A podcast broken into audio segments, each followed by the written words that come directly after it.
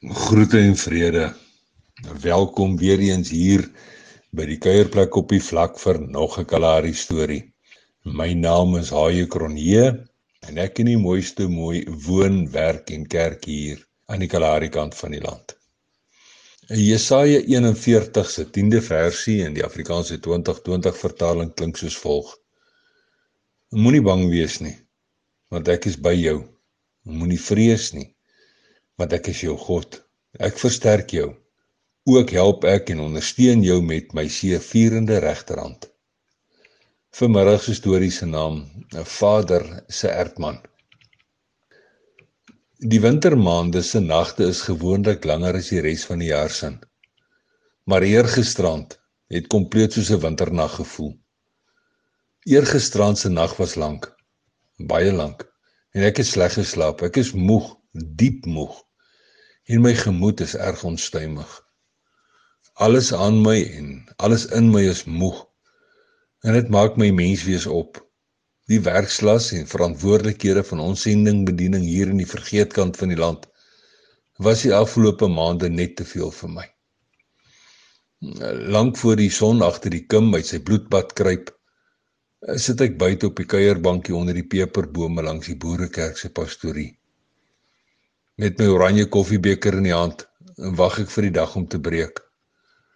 Hoopelik 'n dag vol belofte, 'n dag vol verwagting en 'n dag vol lewenskrag.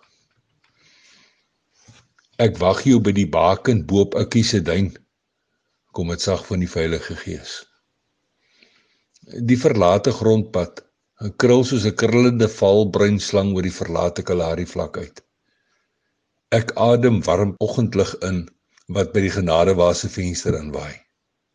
Rustig wieg die ou strydtos oor die tweespoorpaadjie net om standing te maak aan die voet van 'n breërig sandduin waarop die baken baie jare gelede staan gemaak is.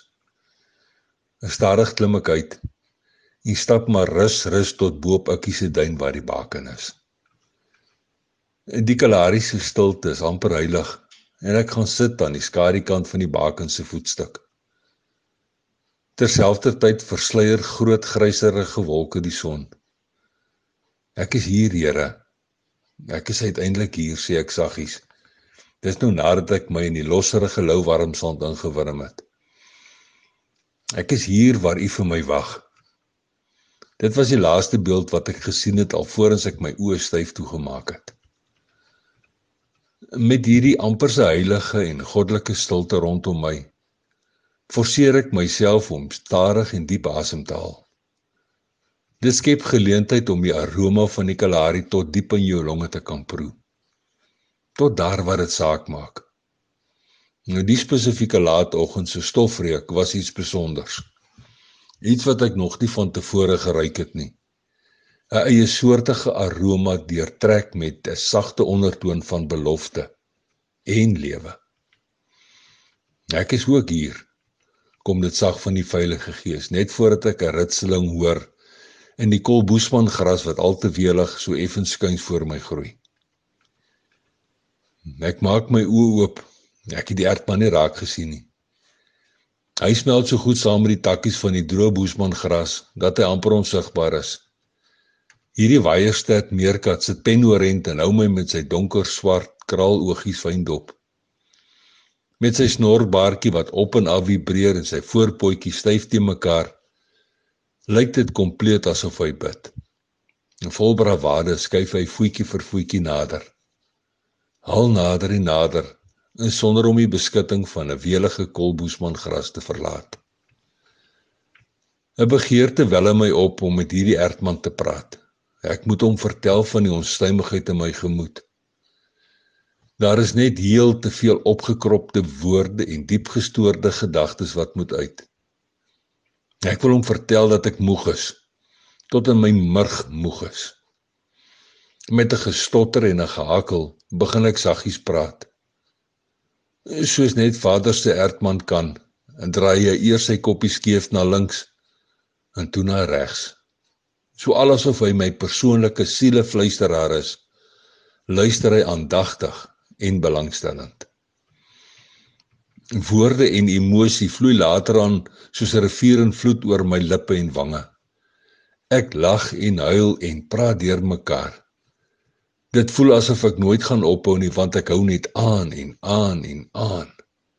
Nodeloos om te sê, drink Vader se erkman elke woord en elke emosie dorstig in. 'n Rukkie later en die storm in my gemoed is uitgewoed en ek is leeg, dol leeg. Uitgeput maak ek my oë toe en verdwaal in die heilige stilte rondom die baken hier bo op Ikkie se duin. 'n Diepe slaap omvou my terwyl die Skepper van hemelgoed en stofaarde my leë en dorre hart drupsgewys vervul en verkoop. Eers vul hy my met druppels van belofte, en daarna hoop en heel laaste met druppels van moed. Heelwat later maak ek my oë oop en alles lyk skielik anders. Opeens is die lug blouer, die sand rooier en die welige bosboesmangras wat effens skuins voor my groei is sommer ook groener. En amper onsigbaar vir my oog verklap klein ertmanspoortjies in 'n welige bosboesmangras dat hy steeds troos en help en versterk en ondersteun en dit verklaar dat hy steeds in beheer is. Nou ja toe. Tot 'n volgende keer los mooi spore en sandkorrelby seëninge